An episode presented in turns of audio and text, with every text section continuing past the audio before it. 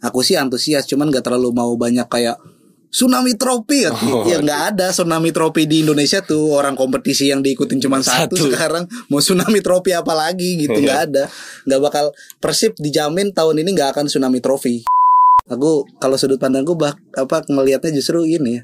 Apa artis-artis yang ngetop populer di tahun 80-an 70-an tuh kayak bangsat bangsat kenapa? Aku nggak bisa dulu menyanyikan hits populer gue di depan presiden gitu ya. iya. Sing ini ini ki malahan. iya asu salah zaman aku. Bikin gitu kayak Karena sangat melelahkan punya tim kesayangan yang kritiknya tuh dari tahun ke tahun tuh sama gitu. Masalah kita apa sih? Lini tengah. Besoknya apa? Lini tengah. Besok lagi lini tengah nggak selesai-selesai itu Iya, iya. melelahkan buat aku. Jadi Iya, kayak anak win ya ya. masalah apa sekarang kita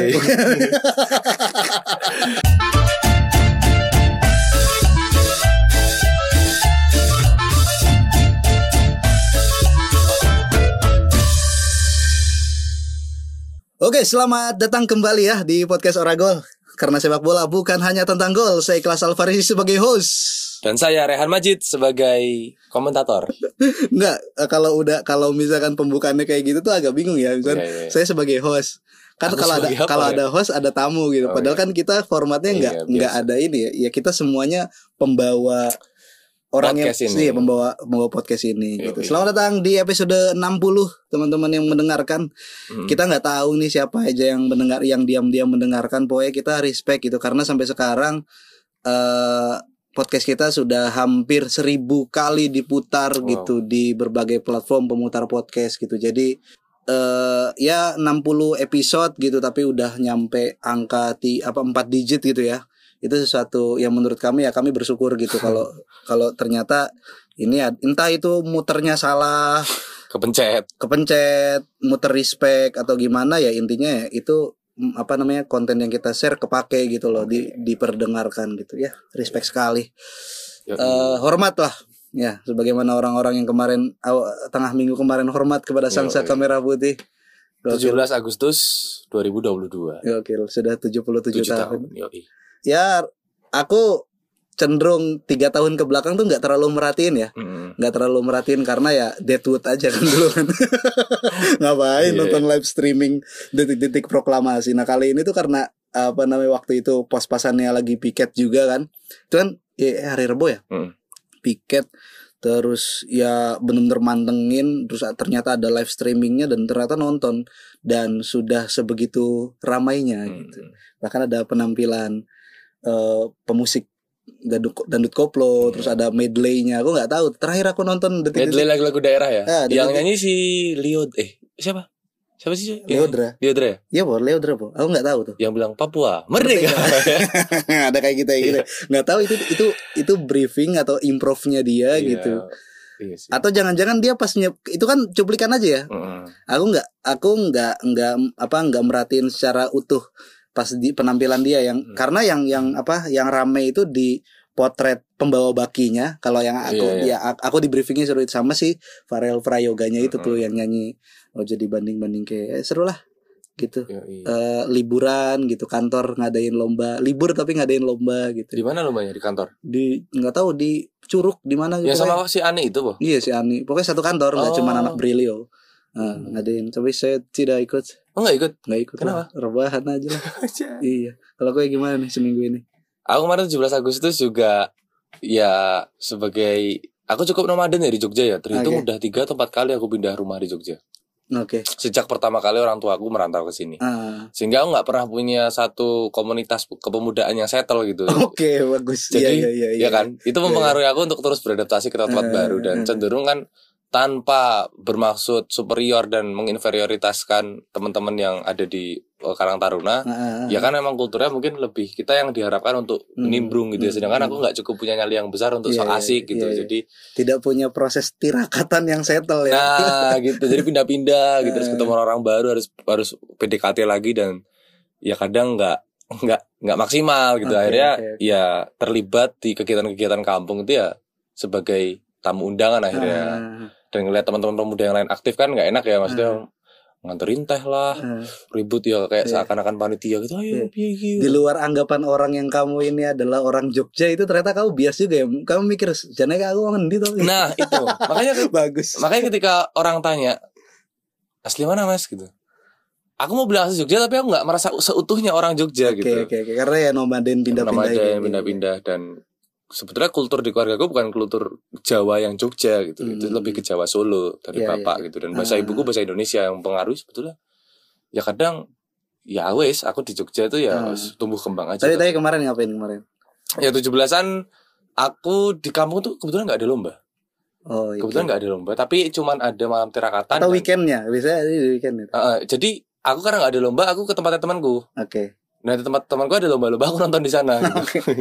Ternyata asik coy, sumpah. seru ya Ngelihat bap- bapak pakai daster gitu-gitu, Iya, iya. ngelihat kampung yang hidup, Ah, nah, pemuda-pemudanya tuh guyup gitu, tuh asik ternyata. asik ya Kayak KKN gitu kan, ngeliatnya kayak iya iya iya BM juga nih punya kampung yang begini kan. Iya, Cuman ya udah, akhirnya menikmati ke 17-an tuh nggak di kampung sendiri gitu, Iya, di iya. kampung orang lain. Tapi ya itu aja sih. kantormu nggak ngadain lomba ngadain, ngadain tapi belum, belum Riz. belum Belum, lagi ditunggu, lagi ditentuin nih tanggalnya. ada panitianya gitu. ada entah minggu depan atau kapan ya, Respect ya, sih. jelas ada Iya ya aku baru ya baru ngerasain gitu kan ngantor jadi anak baru terus ada apa namanya di momen-momen aku baru gitu loh mulai Hmm. mulai apa ngerasain bondingnya teman-teman kantor itu ya di di dihadapi dengan momen 17 Agustus ini kan ada panitia lomba terus terus ada pengumuman dari men apa dari managing editor katanya besok kita libur ya tapi teman-teman malamnya itu jadi orang-orang pada tirarakatan aku tuh di depan laptop buat ngera apa nyetok gitu loh Hmm. jadi libur tapi nggak libur Hmm. libur dan kalaupun libur teman-teman tuh diajak untuk eh, ikutan lomba gitu di satu tempat di daerah utara gitu Oke. Cangkringan apa di mana gitu Oh iya, iya, aku lihat storynya si ya gitu pokoknya ada pendopo-pendoponya gitu gitu kan nah gitu. Saya tidak ikut gitu. Ya karena malamnya cukup lelah ya cap- capek ya gitu. Wah kita sehari nulis 10 kan biasanya 5 gitu. Kan terus Oh. sehari itu nulis 10 dan wah ma- lumayan ini lumayan wah kayak, kayak iya kayak ya udahlah tidur aja gitu paginya. Padahal udah daftar juga kan ada daftarnya Hmm. segala macam. Ya tapi Nggak wajib berarti ya? Nggak wajib cuman kan mungkin bakal jadi omongan ya wak- orang kantor anak baru nih tidak bisa ini nih tidak akrab gitu Dari sediain wadah. gitu. udah sediain wadah Pada- aku punya sikap sih terhadap itu cuman itulah nggak usah diomongin di Oke, sini oke. Oke. gitu ya ya ada Farel Prayoga menyanyikan lagu Ojo dibanding kayak, Mm. kayak lagu yang lagi kan dandut koplo gitu ya polanya ya gitu. Apa ada satu lagu yang benar-benar enak populer gitu dinyanyikan rame-rame oleh ber- apa, oleh Hmm. semua biduannya gitu kan. Nah ini yang lagi populer itu saat ya lagu itu Ojo dibanding ke ciptaannya Abah Lala dinyanyikan oleh eh, Farel Prayoga yang masih Hmm. kelas 6 itu dan langsung di hadapan Jokowi dan para pejabat gitu kan. Aku kalau sudut pandangku bah apa ngelihatnya justru ini ya. Apa artis-artis yang ngetop populer di tahun 80-an 70-an tuh kayak bangsat bangsat. Kenapa? Aku nggak bisa dulu menyanyikan hits populer gue di depan presiden gitu ya. iya. Sing ini ini ki malahan. iya asu salah zaman aku. Bikin ki kayak wah lagu wajib nasional di running terus pas habis Iya, upacara bendera ya. Ada sisanya yang itu gitu-gitu kan. nggak ada tuh lagu apa tiba-tiba ada kan itu kan lagu cinta lagu Iya. menye-menye kan lagu ngomongin soal kisah asmara kan sebenarnya dulu kan banyak kan dan Hmm. kita sebagai generasi terbaru hari ini ngedengerin kan Mm. wah ini seru nih ah, enak nih Hmm. tapi Tidak anjing, dapat panggung. tidak dapat panggung Lahirnya kecepatan. iya itulah eh, ininya terus ada lagu Joko Tingkir yang gagal di ini juga ya Katanya dituntut ya itu ya. ah kan sebenarnya Farel tuh di Gladi Resiknya pengen ngebawain lagu itu lagu keduanya itu Joko Tingkir Tingkir. Ja, tapi dengan gimmick di request sama Pak Jokowi Oh. Gitu kan lagu Joko Tingkir Joko Tingkir gitu kan Oke, Eh, oke, oke. sebenarnya pas di reelsnya Jokowi itu apa di di upload tuh momen si Farelnya lagi gladi resik tuh ada dia nyanyiin lagu Joko Tingkir Oke. tapi nggak jadi ya belakangan diketahui lagu itu sedang kontroversi karena ada beberapa pihak yang tidak berkenan ya itu Hmm. ada nama Joko Tingkir ya ulama ya Ulama. ulama ya ulama Joko Tingkir Ngurusin lagu tapi. apa Ngurusinnya lagu. enggak maksudnya Joko Tingkir itu sosok ulama yang Iya, mungkin iya, nggak iya. pantas kalau misalkan dimasukin ke sebuah lirik lagu Oh, iya, iya. lagu binal. Oh, iya, apalagi posisinya Joko Tingkir lagi ngombe dawet gitu. Iya. kurang pas sih. Ya tuh jangan ya ya mungkin nggak tahu ya, ya nggak tahu. Raden Joko Tingkir zaman dulu udah ngombe dawet juga. Mm-mm. Dengan situasi saat itu Iya. dawetnya mungkin gimana gitu ya. Iya, iya.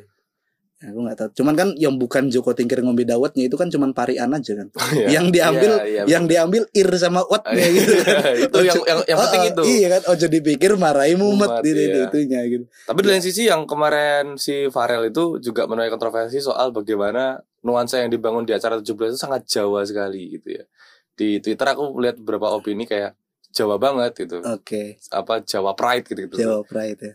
Eh, walah Jawir biasa gitu. Oke. TXT dari Kalimantan gitu. Bagus. Gitu-gitu tapi Bagus. eh dan isu ini kayak menggelindingnya beberapa kali gitu kayak logo G20, logo Piala Dunia U20 itu kayak mengisyaratkan apa sih ekspresi kebudayaan Jawa Simbol gitu. halal. Iya simbol halal gitu. Gunungan kan itu. Iya, iya, iya. Dan menyebabkan banyak yang bilang kok Jawa banget gitu. Terus Iya, iya. kayak aku coba ngobrol sama beberapa temen ya nggak bisa dibohongin dominasi dan apa namanya dominasi kebudayaan Jawa itu emang lagi kuat-kuatnya dan emang sudah lama kuat kan. Maksudnya Java Hmm. sentris itu emang salah satu manifestasinya mungkin seperti itu. Bisa jadi ya. Mm-mm, kan Hmm. jadi kayak ya tapi terlepas dari apa pun itu aku emang mengharapkan justru bukan lagu-lagu seperti itu sih emang kalau aku pribadi ya Mm. yang yang tampil di acara 17-an gitu. Iya, tapi nggak apa kan berhasil menggoyang istana. Iya sih. Iya, iya. ya, ya harusnya itu jadi lecutan lah. Apa skena-skena pop di daerah-daerah lain Hmm. juga mampu gitu loh. Gimana Oke, nih caranya nembus skena Iya ya benar. nasional gitu loh, yang Hmm. akhirnya jadi jadi sorotan gitu. Ya, benar sih.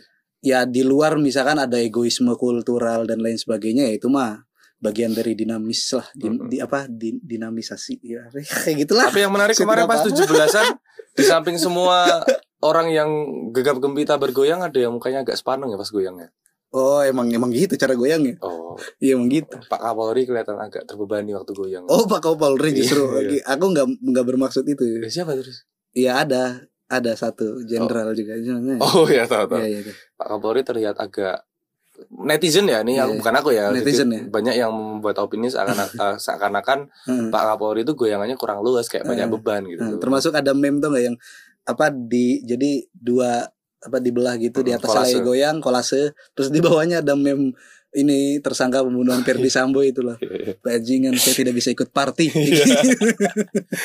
Iya, iya. ya gitulah. Ya nggak tahu kasus Ferdi Sambo terus update ya sampai sampai istrinya pun sudah Iya. resmi menjadi seorang tersangka gitu kan. Wah ada konsorium dan lain-lainnya. Woi gokil. Dan katanya udah ada ancaman hukuman mati juga ya.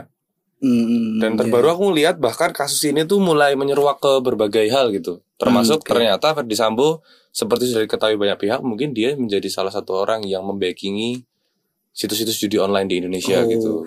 Iya, Dan iya, di Twitter iya. aku lihat tadi aku lupa di akun apa. Nanti bisa dilihat aja di Twitter lagi trending juga kayaknya soal ternyata ada banyak nama yang tersangkut dalam peredaran atau perizinan judi-judi online di Indonesia. Salah satunya katanya Pak Ketum PSSI kita juga tercatut namanya gitu Pak. Ibul gitu katanya. iya, boleh. Ya itu nggak tahu lah ya kita nunggu Iya, aja. Iya kita nunggu aja klarifikasinya gimana, kebenarannya gimana, karena posisinya juga orang-orang banyak menya- menyangkut pautkan dengan apakah ini ada sangkut pautnya dengan Liga 1 membolehkan sponsor-sponsor judi gitu di Oh, Oke. di sponsor jersey Oke. tim gitu. Ada berapa sih? Cuman kayak Persikabo doang. Iya, bobet ya. Iya iya iya. Bobet itu, itu. gitu. Ya udahlah kita masuk ke Liga 1 aja. Mumet mikir kayak gitu kayak gitu. Nonton bola aja guys. Iya, iya, betul. Nonton bola guys. Itu mantap guys. Kita ngelihat pekan kelima yang udah dimainkan oleh eh, tim-tim yang ada di Liga 1 ada PSIS Semarang yang berhasil menang oleh Persik Kediri. Persik Kediri ini ini ya masih belum ini dapat kemenangan pertamanya. Ya udah udah ding. Persik Kediri Masih belum dia masih nol. belum belum. belum. Dia main lima kali, Imbang imbang dia. imbang sekali, kalah empat kali Persik Kediri ini. Ya, Sedih ya. Arthur nih. Padahal menang lawan timnya Rans Ronaldinho dia. Out kan? Pelatihnya udah out kan? Ah, Javeroka. juga. Javier Roca sudah out. Terus ada Barito Putra yang takluk oleh Bali United. Mm-mm. Tidak aneh lah. ya semangat Barito Putra. Nyoman. Terus ada Bayangkara FC yang dikalah kembali kalah oleh Persis Solo. Mm-mm. Ini menarik nih dua kali dua kali kalah, dua kali beruntun kalah dan tim yang mengalahkan adalah tim promosi semua. Sebelumnya sama Dewa. Dewa. Betul. Sekarang Persis Solo berhasil mengalahkan 1-0 dan itu adalah kemenangan pertamanya Jefferson F Tiago walaupun begitu Jefferson tetap mundur ya. Ya, iya. Kursi tersebut kosong kabarnya sih akan diisi oleh Rene Albert. Yo, Oh, gitu kan. Ada Persebaya yang kembali tidak bisa meng ya meraih ha- Aku tuh nonton ya. Hmm. Persebaya tuh hampir lima pertandingan ini tuh empat lah empat kali nonton. Karena menurutku di antara tim-tim Liga 1 ini yang bisa menyajikan permainan menghibur menurutku ya Persebaya gitu. Oke. Yang jadi ya sepak bola adalah hiburan tuh Persebaya tuh tercemin karena cara mainnya itu enak banget gitu loh dari kaki ke kaki, mereka itu screeningnya apa segala macam gitu. Enak organisasi permainannya jalan, cuman ya kadang banyak kelalaian gitu ya, apalagi di lini belakang akhirnya ya mereka tembus juga gitu. Iya. Mampu gampang ya kayak musim lalu kan enak mainnya gitu kan. Cuman ya gampang ngegolin, gampang juga Kebobolan. kebobolan. Iya, iya. Di permainan apa di pertandingan ini Marcelino Ferdinand kembali merumput ya setelah cedera hamstring. Dan di pertandingan melawan Borneo ini tak pikir juga jadi salah satu puncak kemarahan fans ya. Hmm. Karena kan fans juga kemarin sebelum pertandingan Borneo nggak salah tuh supporter Persebaya atau bonek itu dalam tanda kutip menghadang bis timnya sendiri gitu dan Oke. pas pemain pada lewat tuh pada di ayo Hmm. main sing tenanan gue ini persebaya gitu kayak se- iya, iya. memberikan semangat dan Iya iya iya. tak kira hasil seperti ini akan membuat sebuah gerakan di Surabaya barangkali ya ketika tim nggak kunjung membaik kan kemarin di Persib juga ketika hasilnya gitu-gitu aja kan akhirnya pada aksi kan Hmm.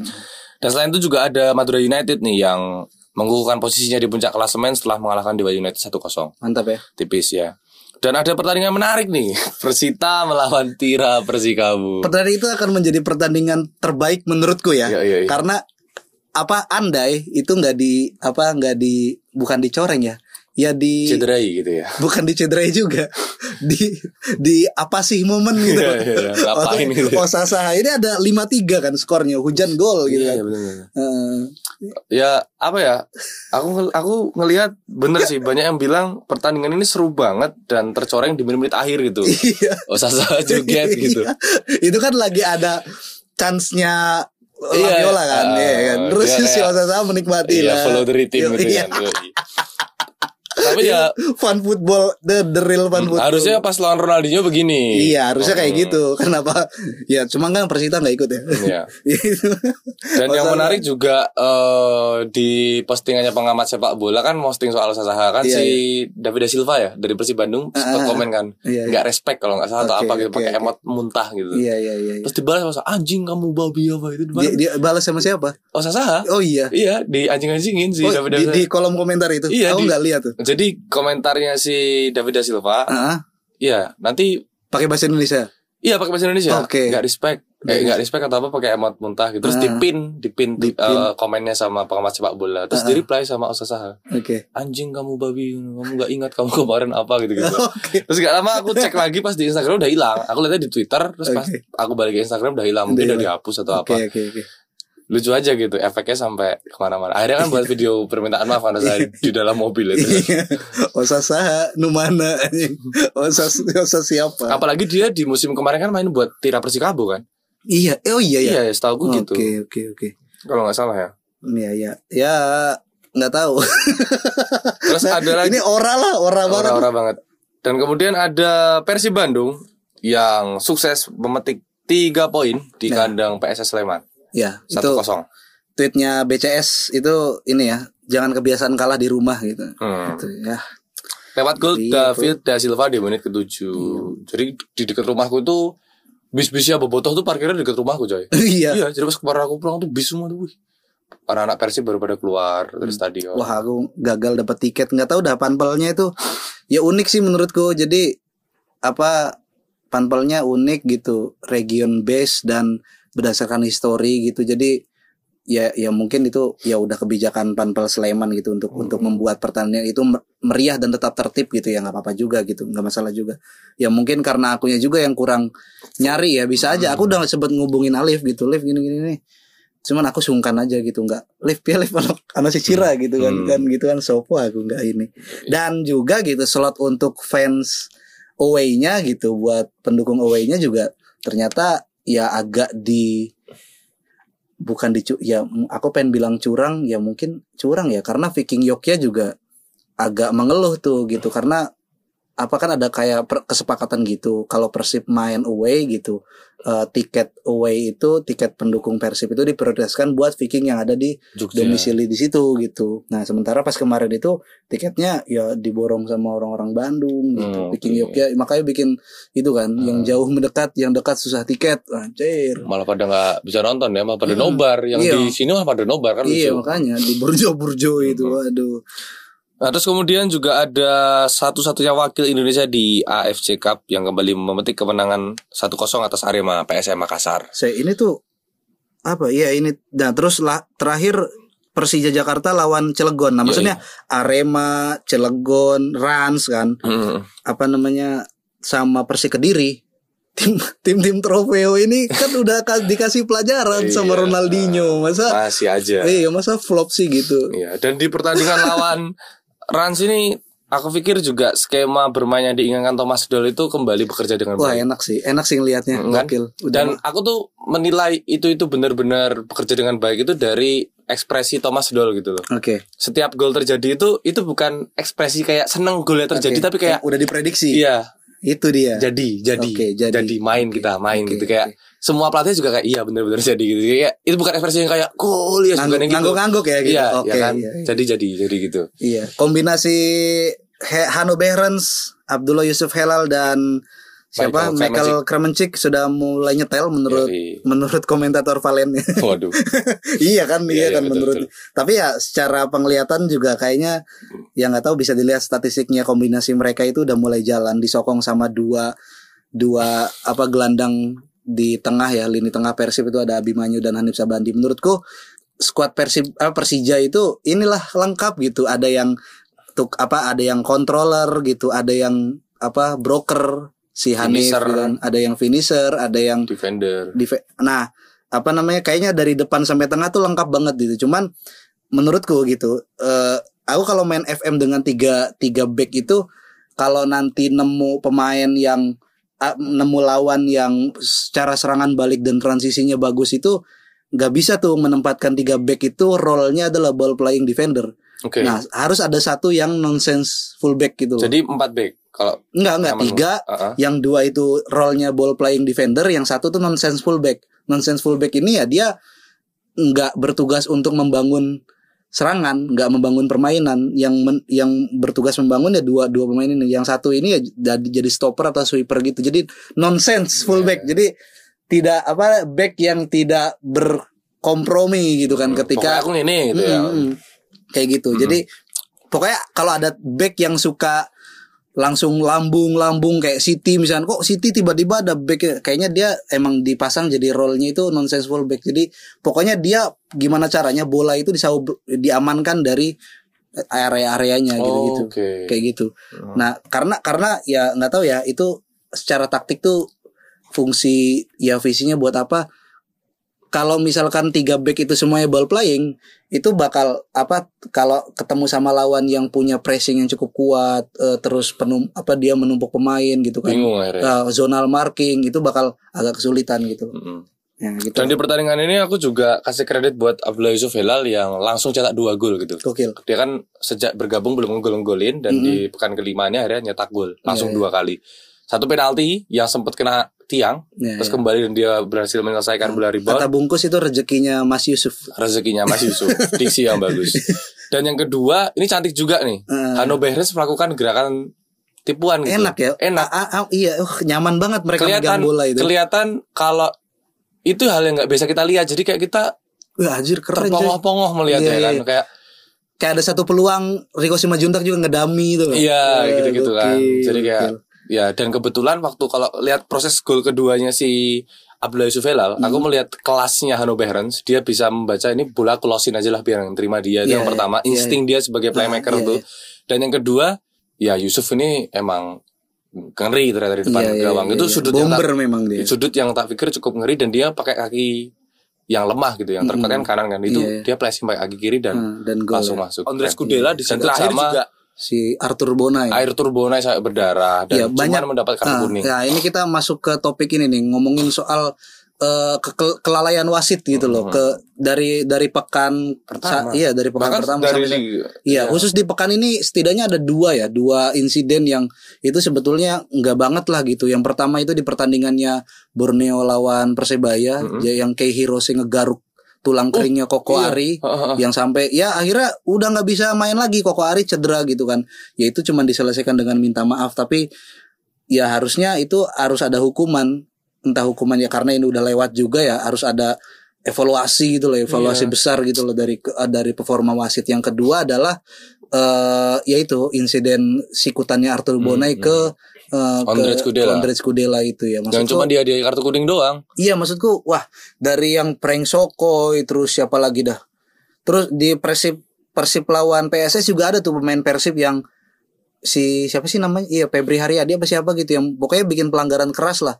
Maksudku karena jadi sorenya tuh aku nonton bukan sorenya ya, pokoknya waktu itu aku nonton Liga 1.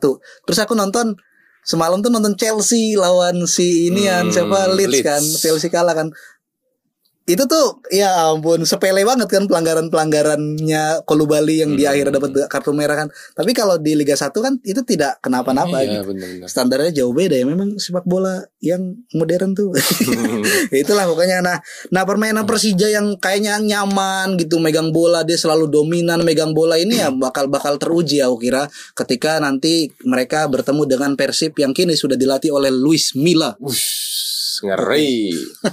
ya, ini pelatih timnas Indonesia dan U23 dari 2017 ke 2018 ya. Seorang Nah. pelatih yang berhasil menghadiahkan medali peru eh medali perak ya. Enggak lah, cuma 16 besar doang.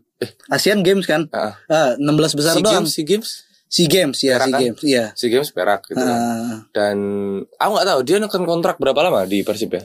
kan sampai du- 2019 dia. Harusnya, cuman dicopot tengah jalan. Enggak maksudnya sekarang di Persib sebagai dia dia kontrak satu musim dan opsi per, apa dengan klausul opsi perpanjangan kontrak jangka panjang. katanya begitu. Ya cuman dijelasin itu aja. Oke. Hmm. Nah, tak pikir itu ada korelasinya dengan ya satu musim ini untuk menguji apakah Luis Milla bisa mengangkat performa Persib yang kemarin sempat Down ya. down ya. Hmm. Terus yang kedua kalau ngomongin jangka panjang ini ada kaitannya dengan eh, AFC Cup ya. Iya, iya betul. Bandung kan punya slot AFC Cup. Musim depan ya. Dan tak pikir itu jadi salah satu nilai tawar kenapa Milla mau ngelatih Persib Iya, gitu. iya, ada iya. kompetisi Asia yang Hmm. mungkin itu punya value tersendiri buat Luis Milla Iya, yang iya, iya, bisa tampil di Asia Mm, gitu. mm, untuk menunjukkan potensinya juga kan siapa tahu Iya, jadi iya. batu loncatan kan kita nggak Mm. tahu kalau dia diambil kasih main terus atau Iya, Gamba tiba- Osaka ya iya, kan iya, iya. Dari yang- Soalnya dia kan cuma jadi mas-mas ini doang kan. Apa apa sih apa sih namanya tuh ya mas-mas La Liga aja gitu Iya. datang sebagai tamu mantan pemain Real Madrid Iya. datang sebagai tamu mantan pemain Barcelona gitu-gitu dan dia dikenal terkenal untuk melatih pemain usia muda ya U23 Ah. tapi di kancah senior dia belum punya jejak dia, yang baik dia pernah Jadi, menang Piala Eropa U21 ya sa- bersama timnas Spanyol ya. ya masih ada De Gea, De Isco Thiago Alcantara. Thiago, ya, dia dia meracik tim itu Mm. tim-tim muda tapi di kancah senior kayaknya belum pernah Iya, ya ramainya para bobotoh ya yang begitu antusias dengan kedatangannya. Aku sih antusias, cuman gak terlalu mau banyak kayak tsunami trofi ya, Oh, ya nggak ada tsunami trofi di Indonesia tuh. Orang kompetisi yang diikutin cuma satu, Satu. sekarang mau tsunami trofi apa lagi gitu Iya. nggak ada. Nggak bakal Persib dijamin tahun ini nggak akan tsunami trofi nggak akan ya. Yoi. cuman kalaupun menang ya cuma satu gitu. Karena kabarnya Piala Indonesia juga bakal mau di-cancel ya. Dibatalin iya aduh Iya, kacau gitu. Gitu-gitu ya. Ya kita lihat aja gitu. Makanya ya makanya menarik gitu eh, pertemuan Persi Bandung itu dengan Persija gitu. oke Se- se- selain eh, pertandingan itu secara historis ya punya nilai gitu kan bahwa itu adalah rivalitas rivalitas yang ya kenceng dan sekarang gitu Persib sudah punya modal yang cukup gitu loh kalau head to head ya gitu kan antar pelatih gitu Thomas Doll dengan permainannya kita juga bakal ngelihat nih permainan yang diperagakan oleh Luis Milla itu seperti apa Mhm. gitu aja lah ya gitu Persib pokoknya edankeun lah ya. Gitu oke. Apalagi nih? Oke kita ke update transfer dulu ya sebelum Hmm. kita ngomongin uh, pekan keduanya.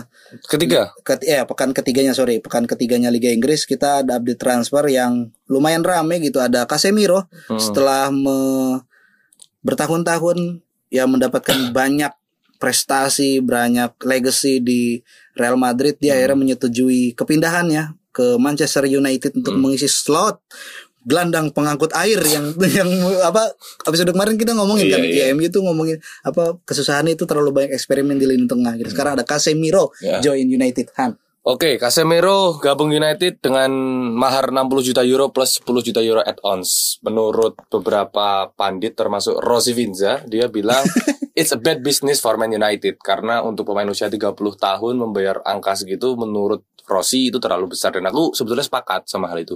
Ini bukan hal yang biasa dilakukan Manchester United gitu. Aku masih asing melihat hal-hal seperti ini. Membayar mahal untuk pemain yang tua gitu. Oke. Karena Kayak Schwarzenegger kan sih. kayak Schweinsteiger Iya, ya. iya, iya, dan kayak Schweinsteiger. gajinya Casemiro kan juga tinggi. Ya, oke. Di samping itu juga bad business itu bukan hanya dinilai sebagai awal penyerahan maharnya berapa, tapi probabilitas pemain ini ketika habis kontrak dia punya nilai jual yang berapa juga. Oke. Dengan kontraknya aku tiga tahun atau berapa tahun aku lupa. Ah, Tapi kemungkinan dia akan lepas dengan gratis misalnya dia Oke. menghabiskan kontraknya karena di usia yang habis mungkin di 33, 34, 35 mungkin dia lebih milih ke MLS atau kembali ke Brazil kan siklus iya, pemain Brazil iya, gitu ya. Iya, iya, iya. Punya legacy yang tinggi, gabung tim lain Atau ke Madura. mungkin Kan Brazil kan. Iya. Lekat Oh, dengan iya. Brazilnya kan Iya, Madura. Lulinya itu ya. Lulinya. Jadi tunggu lulinya. ya itu. Jadi ya kemungkinan nanti eh, dari dari dari pandangan bisnisnya kurang lebih itu nggak cukup menguntungkan dan eh, good business lagi dari Florentino Perez. Ya, ya, kan? ya, ya. Papi Brasil meyakinkan United untuk ini 30 tahun tapi kualitasnya oke gitu. Jadi se- sepadan gitu. Hmm, Kamu Tak- butuh kan gitu. Ya, kamu udah udah mau tutup loh ini. Di lain sisi juga eh, ini bakal mengisi satu posisi yang terus menerus diperdebatkan oleh banyak fans Manchester United yaitu posisi defensive midfielder yang udah dinilai banyak orang sudah kosong sejak kehilangan Michael Carrick gitu ya. Jadi Michael Carrick ini selain CMF yang kreatif dia juga dikenal sebagai pemain yang bisa ngisi slot DMF gitu. Jadi setelah kehilangan dia United dinilai oh pasca Andre Herrera ya, ya. United nggak dinilai nggak nggak punya komposisi lini tengah yang kuat gitu. Dan Hmm, ini menarik untuk melihat ke depan siapa yang akan tergusur McTominay atau Fred gitu oleh Iya, kedatangan Casemiro. Atau justru Casemiro bakal dicadangin untuk mereka berdua. Tapi kalau itu terjadi bener-bener kacau sih. Itu kacau Iya, banget. iya. Aku tuh ya pas kepindahan Casemiro tuh fans-fans sebelah tuh si Madridistoy gitu. Pada bikin story-story sedih perpisahan ini ini. Ah, aku pikir eh, Casemiro tuh siapa? gitu. Kan Real Madrid kan Galacticos gitu. Iya. kan dia nggak pernah menghargai legenda gitu. Kasihlah apa kabar coy? Gitu. Raul apa kabar? Ya yang maksudnya kok aku eh kok tiba-tiba ini perpisahan momen gini-gini? Terus ada kayak foto-foto apa apa kan. squad apa starting line up Oh. ini terus yang yang udah nggak ada siapa. Hitam terus gitu ya. sekarang tinggal tiga ya tinggal empat ya? Tinggal ya Ah, Carvajal ah, Carvajal. Kroos Modric sama si siapa lagi ya itulah. Ya itu ya itu itulah. Aku nggak tahu aku fans Barcelona nggak tahu aku. Nah, nah, ternyata si Casemiro ini memang pemain dari muda itu dari Real Madrid B ternyata. Iya, iya. dari Real Madrid B terus dia eh, nggak sempat main di Brazil berarti ya? Awalnya dia tuh apa namanya ya main di Sao Paulo. Tim muda Sao Paulo. Ah, terus ke Real Madrid B sebagai pinjaman kemudian dipatenkan di tahun 2013 gitu kan. Ya ya pokoknya tapi di ta- tahun 2014 itu masih sempat dipinjamin ke Porto. Sebelum Oh, iya, benar, setahun ke Porto terus 2015 itu balik lagi ke Real Madrid sampai sampai akhir hari ini sebelum dia join ke Manchester United. Hmm, Aku pikir ya eh, banyak orang yang bilang Casemiro itu misinya sekarang apa ya? Namanya pemain tua pasti misinya cuan gitu kan nyari duit kan karena dia mikir umurnya udah nggak lagi panjang gitu loh di dalam karirnya sebagai sepak bola. Sementara ngelihat demandingnya Manchester United yang Hmm. lagi butuh eh defensive midfielder apa namanya holder gitu itu akan akan bisa sinkron gak gitu dengan apa namanya posisi eh ambisinya Casemiro yang kayaknya banyak orang bilang gua nggak nyari apa-apa lagi. Cuman eh, keterangannya dari Carleto itu bilang ya Casemiro bilangnya saya pengen mencari tantangan, Tantangan baru, baru, gitu iya, kan. gimana? Ya itu bakal bakal apa ya kalau kita berkaca pada pemain-pemain yang setipe Casemiro pernah sukses satu tim besar ke, ke Manchester United pasca Alex Ferguson Sir Alex Mhm. Ferguson iya iya iya. nggak cukup signifikan terkecuali Ibrahimovic ya itu pengecualian buatku. Eh, Ibrahimovic mah. Ya keren dia, lah. dia mah harus jadi pemain di mana pun Iya, iya. gitu. ya kayak tadi kamu bilang ada si Bastian Schweinsteiger. Iya iya iya. Ya kayak gitu doang. Hmm. terus kemudian kemarin ada Cavani. Dan mungkin yang paling terkenal ya Ronaldo dan Varane sejak Iya, kedatangannya Ronaldo dari Real Madrid ya mereka bel, ah, ya mungkin bisa dikatakan belum mampu memberikan dampak yang signifikan untuk Iya, perkembangan iya, Manchester United Iya iya iya iya. dan sekarang kita lihat apakah ketika United mampu membajak tiga pemain Madrid di masa keemasannya di Eropa terkhusus ya. Heeh. Apakah itu juga bisa menunjang mereka dalam meningkatkan permainan? Tapi kalau menurutku sebagai fans Manchester United aku nggak mikir ini Casemiro bakal mendorong tim ini sebagai tim juara, tapi seenggaknya bisa merapikan lini tengah gitu loh. Oke, si, Karena melelahkan mikro mikro ya. mikro karena sangat melelahkan punya tim kesayangan yang kritiknya tuh dari tahun ke tahun tuh sama gitu. Masalah kita apa sih lini tengah besoknya apa lini tengah besok lagi lini tengah nggak selesai selesai itu Iya, iya. melelahkan buat aku. Jadi Iya, kayak anak win ya. Iya. Masalah apa sekarang kita? Aduh, ya lanjut Iya, lanjut. Itu sangat melelahkan buatku. Jadi ke- kehadiran Casemiro tak harap menyelesaikan perdebatan soal lini tengah kita. Meskipun ya namanya main sepak bola ya nggak akan selesai ya. Tapi aku harap ada satu momen cooling down lah untuk lini tengahnya gitu. Hmm, ya ya ya. Ya ya di luar itu apa namanya omonganmu tadi aku malah mikir ini Hmm. MU gitu kan dan apa ada di liga yang paling kompetitif di dunia gitu. Hmm. Tapi kayak malah kayak PSG Iya, iya. mengumpulkan mantan Iya. kombatan yang akhirnya ya Iya. kalau misalnya kita ngeliat PSG gitu ya orang-orangnya mungkin dia orang-orang cemerlang semua di masanya gitu kan. Iya, iya. Ketika hari ini mereka dikumpulkan apakah bisa Mm-mm. tim tersebut bisa menjelma menjadi tim yang tidak terkalahkan nggak juga kan kita ngeliat iya, PSG. iya. Cuman kalau misalnya ngeliat eh, Manchester United sekarang kan berarti kan ada tim apa ada tiga mantan Kombatan. kombatan gitu kan Varane, Ronaldo dan Casemiro, gitu kan. Ah, Berarti siapa lagi? total ada 14 medali Liga Champion di Ya. tim di tim United yang akan milik Ronaldo. malam ini kita kita nih hari Senin ya. Oh iya benar benar kita hari jam 2 Senin nih. Nanti jam 2 nih hadir. Ken- kenapa ya? Nah, tapi ini menarik ya. Sebelum nanti masuk ke hasil-hasil ya, kita coba preview preview dikit ya. Oke. Nanti malam kita bakal disuguhkan eh, dini hari ya, kita bakal disuguhkan permainan antara Manchester United melawan Liverpool di laga kandang untuk United ya Iya, iya, di iya. Old Trafford. Dan aku mungkin sebelum bahas tak taktikalnya mungkin nanti lebih jauh kue lah lebih paham sebagai coach FM ya.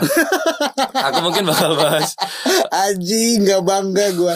Iya iya. Aku mungkin bakal bahas di luar lapangannya karena fans United sedang melancarkan protes terhadap kepemilikan klub Ah, Oke. kepada Glazer family yang telah mengakuisisi United sejak tahun 2005. Hashtag MT United itu ya. MT Old Trafford. MT Old Trafford. Ya, jadi mereka di Northwest Derby, di Hmm, derby oke. itu merencanakan akan ada pemboikotan. Dalam hal ini mereka nggak akan masuk stadion sebagai bentuk protes terhadap manajemen, Mm-mm. terkhusus Yang kepada masuk turis ya. yang masuk turis orang India, orang Thailand gitu. Aduh Mancunian Mumbai. Mancunian Mumbai gitu. Tapi eh, ini menarik karena eh, mungkin aku jelasin latar belakangnya sedikit ya kenapa protes ini kemudian menggelora gitu.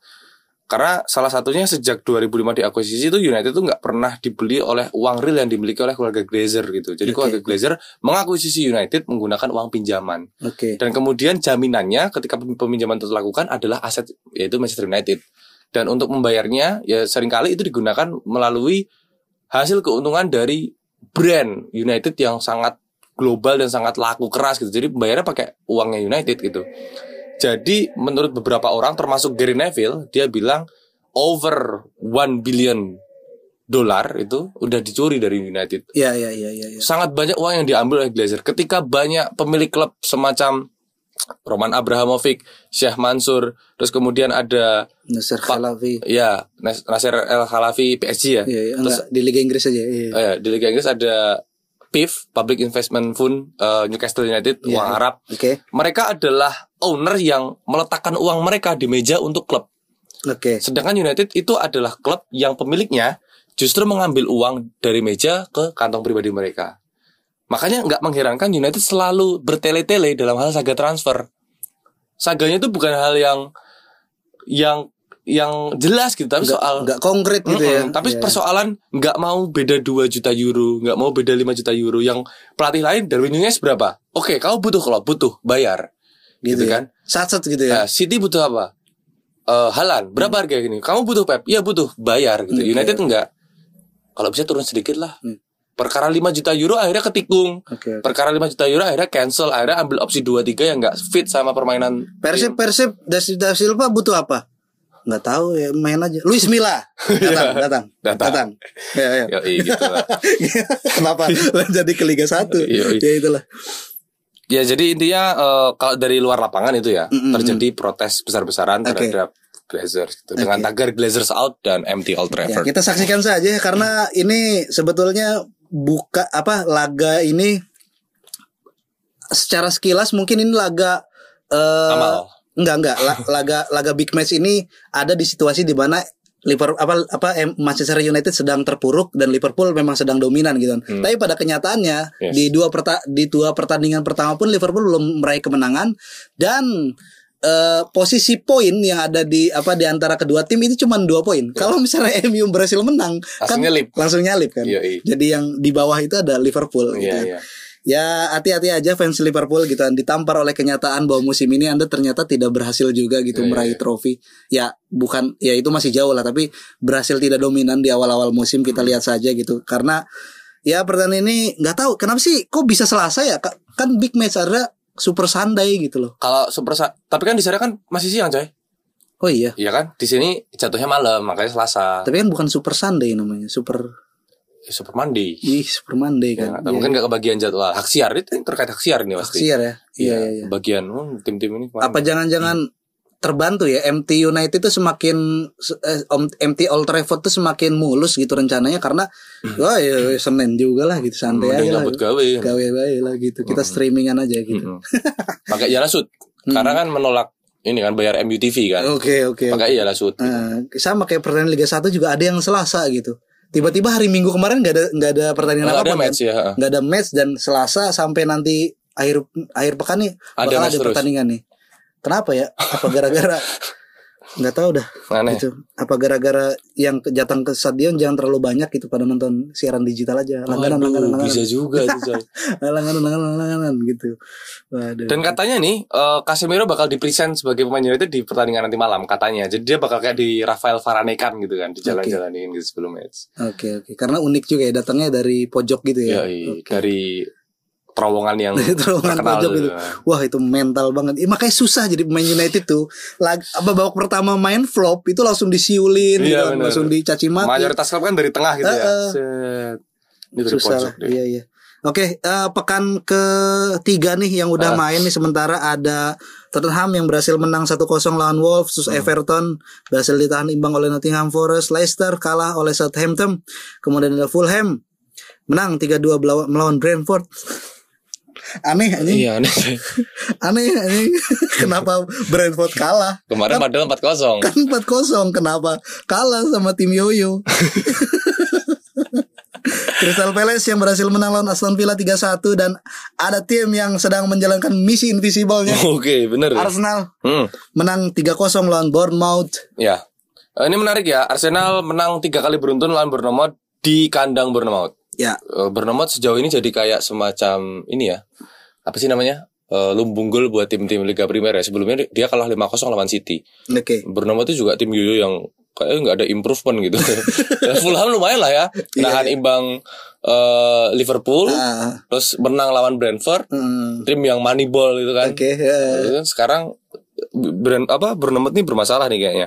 Dan pada pertandingan ini eh, Arsenal menjadi satu-satunya tim yang memenangkan tiga pertandingan awal Premier League gokil memang. dan mematahkan posisinya di puncak klasemen dengan 9 poin. Gokil, pemandangan yang tidak biasa ya. Ya, padahal Di musim lima- lalu, ya. musim lalu Arsenal mengawali musim dengan tiga kali kekalahan. Heeh. Arteta terancam dipecat dan akhirnya bisa bounce back gitu. Akhirnya dibuatkan film kan yang This is Arsenal atau apa gitu. Oh, ada ada ada, dokumenternya. dokumenter ya? Amazon kok saya yang buat. Nah, pada pertandingan ini juga eh, terakhir kali Arsenal bisa menang tiga kali beruntun itu tahun 2004-2005. Gokil, pas Invisible. Bukan, Oh, justru bukan. Justru pas Oh, di musim dia masuk final Liga Champion ya? ya dan justru di 2004 eh, itu 2006 coy, 2005-2006 itu. Oke, Liga 2005 Champion. 2006 ya. Kan yang juara kan Barcelona Iya, 2006 kan. Iya iya iya. Ya, Nah. sorry sorry sorry. Di 2004-2005 ketika Arsenal menang tiga kali beruntun, dia justru mengakhiri musim menjadi runner up. Oke. Itu. Ya syukur lah runner up juga. Di kan masuk Liga Champion. Ya, di bawah Chelsea era awal Abramovich gitu Oke, kan. Dan oke. Iya, iya, iya, Ap- kita lihat aja nih, apakah Arsenal mampu mempertahankan ini? Tapi ada orang yang bilang gini, melihat Arsenal di, di puncak klasemen seperti melihat seekor gajah di atas pohon. Kita nggak pernah tahu gimana cara dia naik, tapi pada satu kali dia pasti akan jatuh. Itu bukannya Tottenham, Cok. Arsenal juga aja. Oh gitu. Iya, iya. Itu bahasa MU ya. Iya gitulah. Mm, Ya oke nggak apa-apa lah. Malah aku malah malah berharap Arsenal ini konsisten gitu loh. Oke. Kan ba- banyak beberapa klub kayak eh, si apa Liverpool cegukan gitu. MU ya udah gitulah. Eh, MU adalah MU gitu. Yoi. Same Manchester United gitu. Yoi. Terus City juga ya cegukan nih apa dia tiga sama melawan Manchester apa lawan Newcastle, Newcastle, ya di Newcastle. kandangnya Newcastle Hmm, gitu kan. Jadi kalau misalkan Arsenal bisa eh, konsisten minimal sampai 10 laga pertama itu menarik gitu. Hmm, Iya, ya gokil lah. Nah, selanjutnya ada pertandingan eh City yang tiga sama Hmm. melawan Newcastle ini gimana nih? Ya kalau City lawan Newcastle agak mencengangkan ya di babak pertama tuh kalau nggak salah aku nggak tahu tuh yang di Twitter tuh troll apa ben- apa beneran tuh soalnya aku nggak nonton pertandingannya tapi ada satu screenshotan yang menunjukkan Newcastle City berhasil menguasai bola di atas 80% Oh gitu. melawan Manchester City Oke. sesuatu yang bahkan nggak bisa dilakukan oleh Liverpool atau Manchester United apalagi Manchester United Iya iya iya. iya. Nah, ini menarik ya. Jadi di babak pertama mereka bisa menang 3-1 dan salah satu golnya tercipta dari tendangan bebas yang diciptakan oleh Kieran Trippier. Nah, di babak pertama itu. Ya, Oke, di babak pertama berarti penguasaan bola Newcastle menang ya? menang, menang, menang penguasaan bola dan menang 3-1 babak pertama. Oke. dan salah satu golnya adalah tendangan bebas yang dicetaknya di Kieran Trippier yang musim lalu main di Atletico. Oke oke oke. Nah, kayak gitu dan eh, keren sih menurutku ini Newcastle United mulai membangun legasinya ya dengan uang-uang Arab ini. Bounce back ya dia. bounce back dan ya untuk City tak pikir ya apa pun ceritanya akhirnya di babak kedua juga bisa menyamakan kedudukan City. dan ya City become City lah kayak Iya gitu. iya. Terus ada Chelsea yang flop kalah Uh. 3-0 oleh Leeds United. Nonton nggak? Nonton aku babak pertama doang tapi. Tuchel ada nggak di pinggir lapangan? Ada. Lah, Iya, dia nggak dihukum berarti ya? iya dong. Iya gitu nggak tahu banding atau apa aku nggak tahu coba kita nanti cari tahu ya. Oke oke. Yang pada ya, ya yang kita tahu adalah Kolubali di kartu merah. Mm, mm, mm.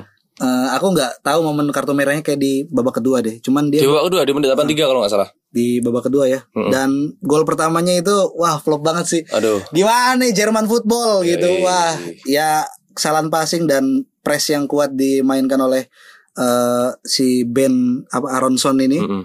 Terus dia berhasil akhirnya me, ya merebut bola dari Hmm. Benjamin Mendy dan menceploskan bola dengan wah enak banget tuh. No look loh itu. Kalau kalian perhatikan, no look loh dia. Gokil gokil. Orang Amerika dia bang, saat orang mereka berani no look ngikut-ngikutin samba. Tapi ini menarik ya. Eh, pelatihnya Leeds United itu sekarang JC March. JC March itu seorang pelatih berkebangsaan United States Amerika dan pernah menukangi RB Leipzig kalau nggak salah atau RB Salzburg ya. Oke. Salzburg kalau nggak salah. Mm. Itulah pokoknya mirip. Nah, si Brendan Aronson, si Ben Aronson ini pernah diasuh dia di klub Red Bull itu, coy. Jadi terlepas dari main di blunder lagi kan, blunder terakhir nggak salah final Liga Champion ya, Oke, Madrid oke. kan. Ah. Nah, pada pertandingan ini orang sedikit memperdebatkan apakah memang Mendy yang hobi blunder sekarang atau skema pressingnya Leeds ini berhasil gitu. Karena kalau kita lihat eh Jesse Mars ini salah satu pelatih yang doyan pakai metode pressing gitu kayak alumni alumni RB yang di bawahnya si Ralf Ragnick dulu tuh mamanya pressing pressing Iya, pressing iya, iya. Ah. fisiknya digejot bener ya. Gokil ya pelatih Leeds ya. Ya, aku nonton Chelsea karena pengen nonton Kukurela sih. Oh Marco Kurela. La Masia. Yoi. Di mana ada La Masia situ saya nonton seru. Tapi agak kurang sih mainnya gitu. Agak kurang ya? Iya, agak kurang. Ya nggak tahu ya itu kesalahan dia atau ya dia dia keren lah. Kayak ini, kayak Yakob Sayuri. Aduh. Enggak enggak keren. Apa skemanya itu keren loh kalau apa pas lagi ada eh apa winger winger cutting inside dia kan sebagai back sayap itu apa namanya ngisi kekosongan winger itu. Oke. Keren tuh skema kayak gitu tuh yang akhirnya Oh, berhasil menarik dia pemain. ke sini Iya. bisa narik, bisa opsi Ah, ke dia juga Oke, gitu ya. Oke gitu, gitu, ya. gitu, gitu, keren lah. Dan ini adalah kekalahan pertama kali Chelsea atas Leeds United sejak 20 tahun terakhir. Wah, Jadi selama 20 tahun sebelum kemarin tuh Chelsea nggak pernah kalah lawan Leeds dan Hmm. kemarin dia kalah langsung 3-0 Iya. diwarnai blunder Mendy, diwarnai kartu merah Hmm. kalau di Bali. Iya iya iya. Waduh, berantakan sih. Pasti di ruang ganti ditapokin sama Tuchel satu-satu sih. Asyik kemarin kita udah gagal menang, sekarang Hmm. gagal menang lagi gitu. Ini aku sangar gelut-gelut saya gue goblok kabeh gitu. Susah. Wah, London biru sudah mulai payah gitu. Dibilang Iya. payah sekarang sudah digantikan oleh London is red gitu. Yo gitu. Kita beralih ayah ke Spanyol ya. Ada Hmm. eh derby ya Catalunya melawan Basque Iya. yang berhasil dimenangkan oleh Catalunya. Yoi. Barcelona menang 4-1 melawan Real Sociedad dan di pertandingan tersebut Lewandowski nyetak 2 gol Yoi. Dan satu gol pertamanya menit ketiga ya, eh Riz ya? menit ke 1. Eh satu malah ya. Hmm, menarik tuh. Aku nggak nonton sih karena terlalu ini coy pagi jam 3 Hmm. Gak kuat begadangnya. Iya benar-benar. Nggak tahu ya. Nggak tahu lah besok-besok nanti nonton lah. Yang menarik di pertandingan itu aku emang nggak nonton juga sih, tapi justru di outside the fieldnya katanya Dan faktanya Barcelona katanya belum bisa mendaftarkan Jules Kounde ya. Iya, kalau misalnya belum daftar eh belum bisa didaftarin dia bakal dilepas secara gratis. Masa sih? Iya, secara gratis. Jadi gratis dia. nah, jadi gratis. Jadi free agent gitu. Iya, jadi, jadi free agent.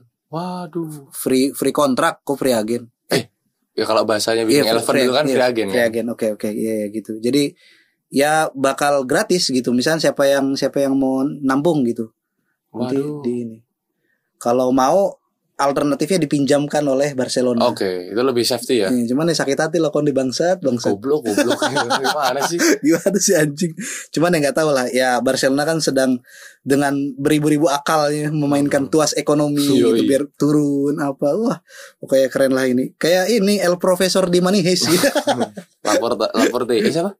Joan Laporta. Jangan Laporta. Joan Laporta. Ya kemenangan juga diraih oleh Real Madrid ya melawan Celta Vigo sama skornya 4-1. Sama-sama gacor di awal musim dan ya El Clasico generasi baru ini patut kita lihat nantinya gitu. Karena ya La Liga yang menarik cuman itu kecuali Anda hipster yang suka meneliti sepak bola Spanyol. Dukungnya LC gitu ya. Iya sama seperti La, apa Bundesliga juga eh, ada sosok Jamal Musiala ya makin keren tuh aku ngedenger podcastnya Spiltak Oh, tuh Spiltak. mereka ngomongin Jamal Musiala yang apa sinarnya itu nggak terlalu apa ya Nggak sinarnya terlalu hype ya. ya nggak terlalu hype dibanding Gavi dibanding siapa? Jude Bellingham, Bellingham. terus ya wonderkid wonderkid yang ada di Liga Inggris gitu kayak ada Mason Mount, Phil Foden gitu ya. Karena ya mungkin Jerman tidak punya tradisi jurnalistik yang ya enggak enggak juga sih. Enggak ya. Iya media Inggris memang selalu terdepan gitu. Iya kita nonton ini aja Liga Inggris dan Liga 1 karena itu liga terbaik versi kita. Gitu aja. Ya, Oke. sampai jumpa di episode selanjutnya. Ciao Bella. Dadah.